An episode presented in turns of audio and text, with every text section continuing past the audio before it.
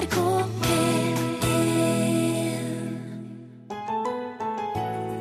Så i perioder så var jeg hes hver gang jeg kom fra pappa. For vi hadde ropt sånn til hverandre. Og sønnen min sa at uh, han ville ikke at bestepappa skulle komme på besøk.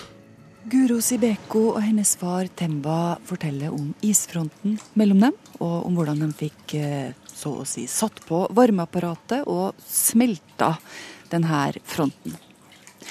Margrethe Nåvik heter jeg. Vi kan eh, antagelig høre litt varme i stemmen til Ma og Morten her også, når de snakker om ekteskapet sitt. De har vært gift i 25 år, og vi spør burde de ha gifta seg den gangen. Det når du står og gifter deg, så er det Du kjenner det rent fysisk, og, og det er en trygghetsfølelse. Da, akkurat da så spenner man en line fra hjerte til hjerte. Og det, det er en trygghet. Går det an å finne ut før man satser om man passer sammen som kjærestepar? Altså i lengden? Om et nystarta forhold kommer til å vare? Det er det her man ser på i NRK1s serie Bør de gifte seg? På onsdag så slo de vel bortimot fast at Martin og Beatrice ikke hadde særlig gode odds.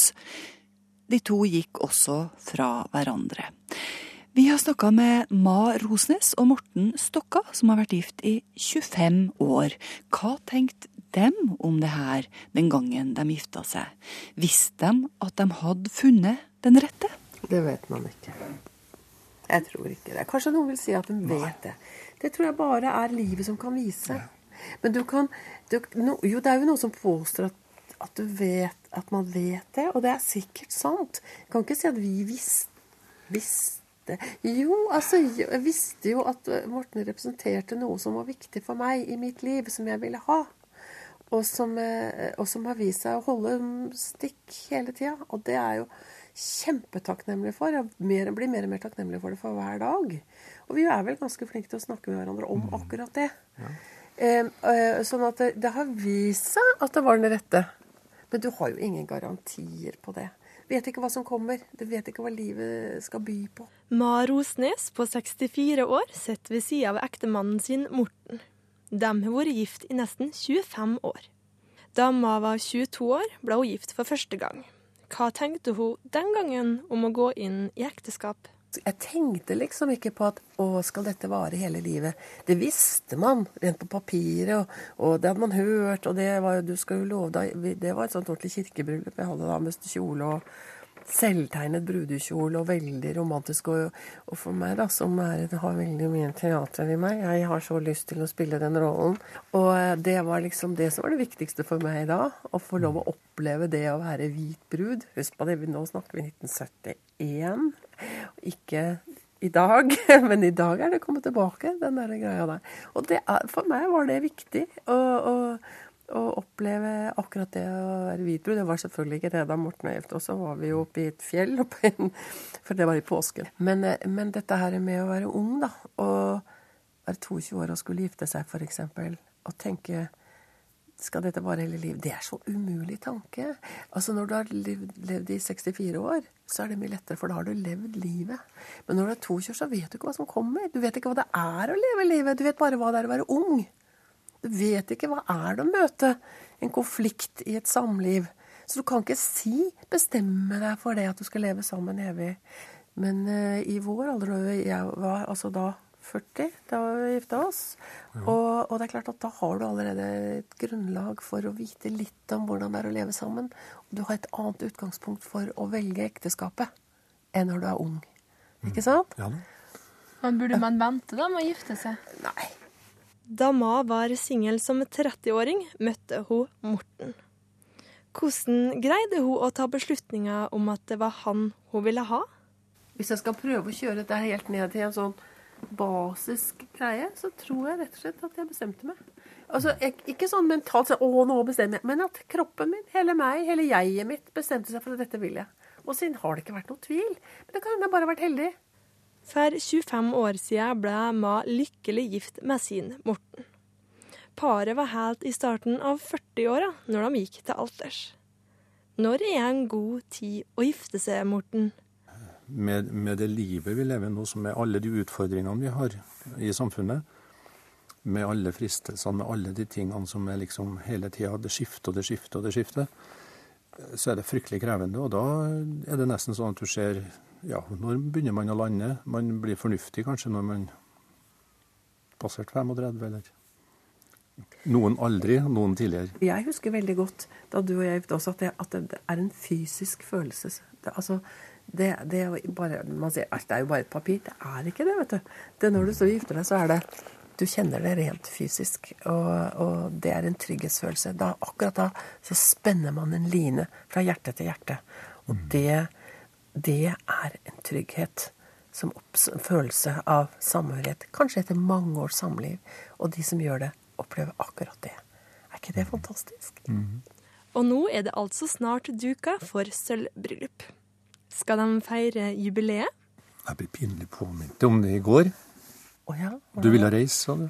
Ja. Hvor skal vi dra på bryllupsreise? Ja. Sølvbryllupsreise. Mm. For vi hadde ingen bryllupsreise. Tenk på det. Mm.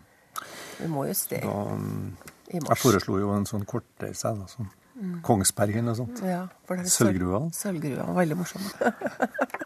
Ma og Morten har også vært gift i 25 år, mens Benedicte Benedikte Bjørkmo, som eh, lytta og lærte her, er aldeles nygift. NRK P1. Jeg hadde hørt før da, fra uh, ungene når de lekte, de lekte den som uh, var med den gangen. Så jeg var en helt på en måte, for å si. Et sted i Sør-Afrika leker barna Temba Sibeko. Nå bor Temba på Skjetten utafor Oslo, Norge. Han kjenner Nelson og Vinni Mandela og han har vært på ball med Bresjnev. Han har noen arr på sjela, og ett på foten, fra da han var liten gutt i Sør-Afrika. De var dratt for å besøke tanta, som var barnepike for en hvit familie. Og så kom de på feil tidspunkt, sånn at eh, sjefen hennes kom akkurat hjem samtidig som de kom. Så de måtte gjemme seg i hagen, for de hadde jo ikke lov til å være der.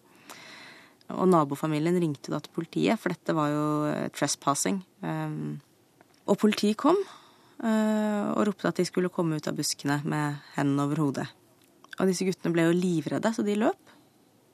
Og pappa ble truffet i beinet av en kule og ble liggende på gressplenen. Han var sju-åtte år gammel. Og tanta hans, som var inne i huset og passa den hvite familiens barn, torde ikke komme ut og trøste han. Mm. Så der lå han aleine til det kom sjukebil, og kjørte han aleine til sjukehuset.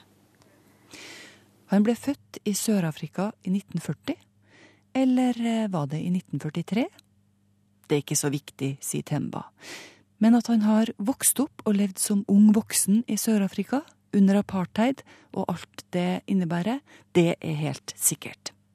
En mann som lever med sånne begrensninger, må lære å kontrollere raseriet sitt. For man blir sint, og blir man sint, så lever man farlig.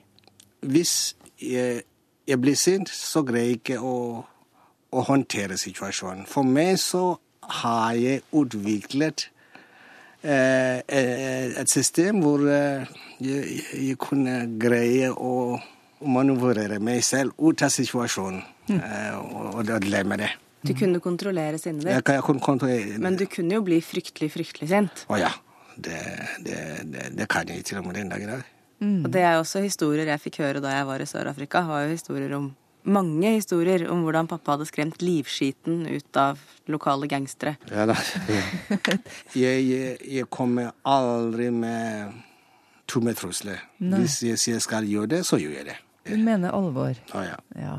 Men uh, det å måtte kontrollere sinnet sitt så veldig, da? Hva gjør det med en mann? Ja, jeg vet ikke. Jeg tenker at det var vel en av grunnene til at du ble sjuk.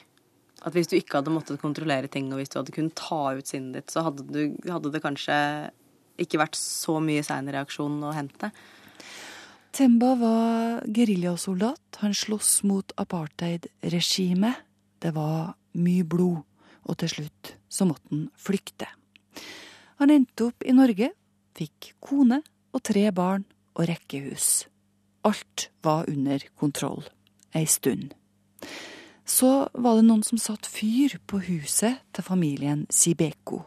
Det oppsto en konfliktsituasjon, og da rakna det for Temba. Jeg vet ikke hva som skjedde der, faktisk. Det kortslutta fullstendig, fordi da min kone kom hjem, fant meg liggende på gulvet. Du, fikk, du gikk i svart, og så snudde du og gikk igjen. Du har ikke slått noen. Har, altså, andre folk kunne jo gått løs på noen. Eller men du holdt ropt, jo, i Eller i hvert fall ropt litt. Eh, men du holdt jo igjen alt det sinnet, og så gikk du hjem og kollapsa på gulvet. Men Det er du må kjenne en ting, Jabo. At disse hendene mine, du ser de er, ser så uskyldige. For meg Jeg kan drepe det med disse hendene mine hvis det jeg er jeg vil. fullstendig klar over. Og så, så, så er det sånn at jeg slås, jeg slås aldri, fordi jeg er drapsmaskin, rett og slett. Du veit at du kan drepe. Jo, jeg vet det. Jeg har drept. Ja. Så jeg, jeg ligger ikke skjult på det. Jeg, jeg, men jeg har, jeg har nokså kontroll over meg selv. Det ble innleggelse, og det ble psykiatri. Et av barna, Guro, eller Jabu som han kaller henne, kom hjem med et sinne som var utenkelig å vise mot sine foreldre i den kulturen Temba kom fra. Og hun hang på blits. Ikke bra, syntes han. Det ble stille mellom far og datter lenge. Men så en dag skjer det noen ting. Da hadde vi ikke snakka med hverandre i det hele tatt på to år. Eh, vi hadde vært i samme rom og sånn i familiesammenhenger, men vi hadde ikke snakka sammen. Og så ringer pappa til meg eh, for å spørre når jeg hadde tenkt å komme hjem. Mm. og det er klart, han sa ikke unnskyld, men jeg valgte å tolke det som en eller annen sånn form for unnskyldning. Og, og det Altså, faren min er det eneste mennesket jeg veit om som er staere enn meg. Så det at han gjorde det, det, det var så utrolig overraskende for meg at da sa jeg 'kom vel hjem neste helg', da. Det, det var greit. Far og datter begynner å nærme seg hverandre. Men det er fortsatt mye utestemme. Temba går i terapi, og psykologen får høre om det utrolige livet hans. Han greide å snakke fornuft eh, til meg, og det var han som sa at eh, jeg må skrive en bok. Han ga seg ikke. Eh, faktisk eh, eh, Til slutt så sa han at Temba, nå vil jeg ikke høre at eh, du ikke har Det er ikke bestemt deg, jeg vil bare høre når du skal, du- når du skal begynne. Guro Sibeko er forfatter. Far Temba spør om hun vil skrive boka hans. Nei, da satt vi i stua.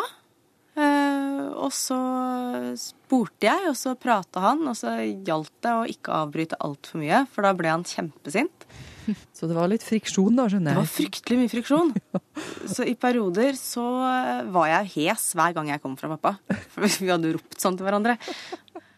Kontrakten er litt uklar. Enkelte ting som Temba forteller, vil han ikke lese om i boka si. Men Guro har sin egen vilje, akkurat som da hun var lita. Jeg lurer på når du begynte å stole på meg. Fordi at på et eller annet tidspunkt så begynte du å stole på at jeg ikke kom til å skrive ting som var farlige, eller Ikke bare farlige tingene som gjør meg vondt, som, som, som jeg ikke liker. For eksempel eh, det med at eh, jeg fortalte deg om eh, at min bror Abel ble skutt. Og sånn sett, eh, Da du begynte å spør- spørre om det, så fortalte jeg deg alt. Til og med fortalte deg hvor han er begravd, og ga deg bilde av graven og alt dette. Og så sa jeg at du skal ikke skrive om det, fordi det, det er vondt for meg. Og, men så er det sånn at så, så kom manuskriptet, og det, så leser så pang, så har hun skrevet det. Eh, Så begynte jeg å gråte. Eh, Jeg er glad i dag at hun skrev det, men den gangen var det sånn at det var det er sånne ting som satt inne som jeg ikke vil at det skal ut, fordi det var, det var vondt. Hvorfor er du glad for at jeg skrev det? Og jeg er glad du skrev det, fordi nå det er jo ikke vondt lenger, å si det sånn. Hva skal dere gjøre nå, da, når dere møtes? Når dere er ferdig med boka, har du mer du lurer på, Guro? Som du skal spørre om? Eh, Jeg tror vi skal ta en pause i sånn spørring og graving og sånn. Det, vi har tatt en pause i spørring og graving. Eh, og det har vært veldig deilig. Så nå kan vi diskutere politikk og historie og spise mat og slappe av og se på TV og gjøre en hel masse sånne ting som vi ikke har gjort så mye av når vi har vært sammen på flere år. Konsentrere oss om eh, barn og barnebarn og Ja, det er fint. Hvordan blir det annerledes nå etter det samarbeidet her? Vi er jo mye bedre venner, da. Har et mye bedre forhold til hverandre, er mye nærmere hverandre. Det var en periode da sønnen min Eller det var en gang da sønnen min sa at uh, han ville ikke at bestepappa skulle komme på besøk. For han hadde vondt i hodet, og vi skrek sånn til hverandre. Når du sier at vi er venner, jeg tror det er mye mer enn venner. Jeg tror at jeg har eh, hennes blod, hun har min blod òg, så vi er mer enn venner. Jeg vet ikke om jeg, jeg, jeg går for langt. Nei, det syns jeg ikke på noen måte. Roper dere til hverandre i dag, eller? Nei, det har vi slutta med. Jeg tror vi er ferdig. Ferdig med det? Ja. Snakker med helt vanlig stemme? ja. Ja. Det er ikke mer å rope om, liksom. Du hører på Mellom himmel og jord i NRK P1. For ganske nøyaktig ett år siden så åpna den forrige paven, Benedikt, troens år. Vi hørte jo nettopp om hellige reisemål her, og akkurat i dag så har tusenvis av katolikker tatt veien til Nasaret, hvor de skal avslutte det her troens år med en troens dag. Vandre der Jesus skal ha vandra, be sammen, og ikke minst tro sammen. Beate, Marius og Didrik, den kristne, satanisten og humanisten, står akkurat nå på hodet i verktøykassa og henter fram redskaper og instrumenter. De skal skru nettopp ordet tro fra hverandre og sette sammen igjen. Panelet. Ja, jeg heter Didrik Søderlind og har i dag på meg eh, kordfløyelsjakke og tweedvest. Jeg heter Beate, og nå når eh, det begynner å gå mot høsten, så tar jeg fram de svarte klærne mine. Det er liksom at det er høsten og vinteren å gå i litt mørkere klær. Jeg liker svart veldig godt. Men da går jeg alltid med en rød leppestift i lomma. Jeg heter Marius Huseby, og jeg liker å late som om jeg er musiker. Jeg er omtrent 1,80 høy, har uh, hår på toppen av huet, helskjegg og masse tatoveringer. Ordet i dag er tro. Ja, Hva tror du på, Marius? fint lite. Sikker på det? Ja. Jeg kan tro på folk når de forteller meg at de Eller ikke tro på dem når de forteller meg ting. Om de ljuger eller ikke, men øh, utover det så har tro veldig liten plass i livet mitt. altså. I motsetning til viten, eller? Viten har jo en stor plass i livet mitt. Hva er forskjellen på den følelsen av å tro noen ting og følelsen av å vite noen ting? Jeg vil jo påstå at, å tro, at tro er å være overbevist eller ville at ting skal være sånn, selv om alle beviser sier det motsatte. Det, tro defineres jo gjerne som en, eh, en svakere grad av viten. Og at viten har med sannhet å gjøre, mens tro har med antakelse å gjøre. Det er jo det du sier. Når, når kan vi komme til å forveksle de her eh, to? Tro og viten? Beate? Nei, for meg så sitter du og snakker om eh, helt to forskjellige ting, altså. For meg har ikke tro med viten å gjøre i det hele tatt. Og jeg, det, altså, tro, det er for meg eh, mer forbundet med tillit da, enn viten. Så når jeg skal forklare konfirmantene mine hva tro er, så snakker vi om tillit. Tro, det er å lene seg til et håp, det om at eh, både livet og døden er båret av noe som er større enn oss, og at uh, det finnes mye mer mellom himmel og jord enn det vi uh, senser og aner. Men først og fremst er det, å, er det snakk om tillit, og det å lene seg til et håp uh, om at uh, Gud holder livet og døden i, i sine hender. Mm. Didrik? Ja, nei, jeg er jo ateist, da. Så jeg, jeg sliter jo med det perspektivet, selvfølgelig. Eh, Men du jeg har har- ikke noe stort problem med at andre tenker på den måten, og jeg har jo hatt opplevelser og en måte å leve på også som har gjort at jeg, kan, jeg kan, tror jeg kan skjønne eh, hvordan man kan komme til en, en, tro, en gudstro, eh, uten at jeg syns det er noe, noe vanskelig. Eh, men, men jeg har jo ikke noen sånn tro selv. Det har jeg jo ikke. Du, kan det være mulig at, eh, at du tror på vitenskapen? Det blir, Ja. høres ut som en selvmotsigelse for meg. For meg altså. Jeg, jeg tror på den Jeg har en tillit til den vitenskapelige metode. Det har jeg. Mm. for vitenskapen er jo ikke et sett med svar. Vitenskapen er en måte å spørre på som har vist seg å kunne finne ut veldig, veldig bra ting, og i tillegg også korrigere sine egne bommerter på måter som er ganske fascinerende. Eh, Og det er en masse ting jeg har en viss tro på. Eksempel eh, en viktig ting for humanister er jo eh, demokratiet. Eh, Og demokratiet har jeg også en viss tro på som en, demokratiet evner å skape bedre samfunn enn udemokratiske systemer. Samtidig syns jeg, synes jeg ikke man skal ha noe overtro på disse tingene. Og noe av det morsomste jeg gjorde i sommer, var at jeg var på sommerleiren til Humanistisk Ungdom. Eh, ungdomsorganisasjonen til Human-Etisk Forbund, og holdt en times eh, foredrag hvor jeg angrep demokratiet. Og kom, sto og lekset opp argumenter mot at demokratiet kunne fungere. Eh, og så var det opp til ungdommene å argumentere mot. Og det er en sånn typisk øvelse om at man ikke skal ha man skal, ikke, man, skal, man skal være klar over svakhetene til det man setter sin lit til. Kan det være at du går glipp av noe? Når du på en måte, altså, hva, er sammenhengen mellom tro og hengivelse?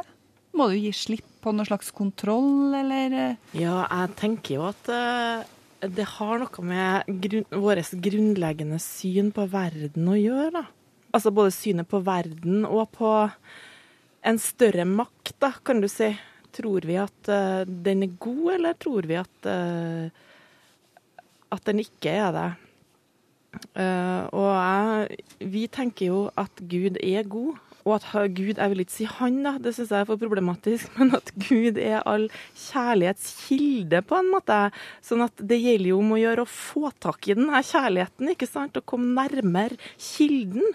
Eh, og da opplever i hvert fall jeg som menneske at jeg må jobbe hele tida med å gi slipp på mitt eget. Gi slipp på min mistenkelige måte å se på andre på. Ja, egen sårbarhet, kanskje, som mønster som du har i ditt eget sinn, som gjør at du forstår verden eh, på en ganske begrensa måte. Sånn at eh, jeg føler at min tro er med på å liksom utvide min verden, og utvide min kjærlighet da, som, eh, som menneske, og at det er noe som jeg får fra Gud. Derfor så blir det, handler det om å jakte på den her kjærligheten på et vis. Jakten, på kjærligheten! Der har vi det! Marius, er det kjente øvelser for deg dette her, eller? Jeg må bare komme meg over smerten ved det ordspillet her, ennå. nå. Eh, Men uh... Marius jakter på kjærligheten, han også. ja, Det gjør han. Og han har, han har funnet den også. ja, jeg har funnet den, ja. Men eh, Så selv en satanist tror på kjærligheten? jeg har jo ikke noe tro på. Jeg veit jo at den eksisterer. Hva måler du med, egentlig? Må, må alt måles? Ja, altså, det, altså, hvis det vitenskapelig skal etterprøves, på en måte, så må det jo måles. Må vi jo ha en måleenhet, på en måte, sånn at vi kan verifisere det. Jeg vet ikke. Ett fjell? Én alpe. Jeg flytter én alpe for deg, så høyt elsker jeg deg. Jeg elsker deg punkt tre centi-alper. Men hør her, den som, den som tror veldig sterkt på noen ting, kan jo faktisk gi inntrykk av å, av å vite. Hvordan reagerer dere på det, når folk eh, fremstår med trua si som at dette her er sannheten? Ja, det er forferdelig. Ja. Det er ganske grusomt. ja, det er det. Det er ganske grusomt. Det blir som folk som står og, og spyr ut uh, pseudovitenskap eller konspirasjonsteorier og mener at dette er den eneste og sanne veien. Mm. Og uansett hva man tror eller ikke tror på, hvis man kommer og påstår at man har den ene sanne veien, så Mm. Ja, gidder det- ikke jeg å høre på det, i hvert fall. Nei, det, det er veldig skummelt med folk som virkelig har sett lyset, altså. Fordi at eh, da er det så store skyggelapper på hver side at eh, man blir helt skremt. Eh, den tidligere erkebiskopen i Sverige, KG Hammar, han, han uh, har skrevet en bok som jeg syns uttrykker det her veldig fint. Han sa altså som erkebiskop så sier han Jeg har ikke sanningen, jeg søker den. Og det, det syns jeg er et veldig fin holdning da, å ha. Eh, enten man er kristen eller eh, humanetiker eller eh, hva man er. Mhm. Åh, det er så herlig når dere er enige. Samling i sentrum. nå. Ja, ja, ja. Bare spør oss hvis det er noen ting regjering, sier. ja. Ja, de blir som regel, eh, om ikke enige, så iallfall blide når de har tatt for seg de her ordene. I dag var det altså Tru de snakka om. Beate Lærdal, Marius Huseby og Didrik Søderlind. Har du noe på hjertet? Nøl ikke. Hit kan du adressere din frustrasjon, dine tips, dine refleksjoner. Himmel og jord, krøllalfa, nrk.no. Vi er også snakkende til på Facebook. Margrethe Nåvik heter jeg, som sender om igjen i kveld klokka 21 på P1 pluss. Syns du musikken her er uinteressant eller overflødig, gå inn på nrk.no podkast og last ned ordene. Sendinga i sin helhet finner du på radio nrk.no. Ha en riktig god søndag.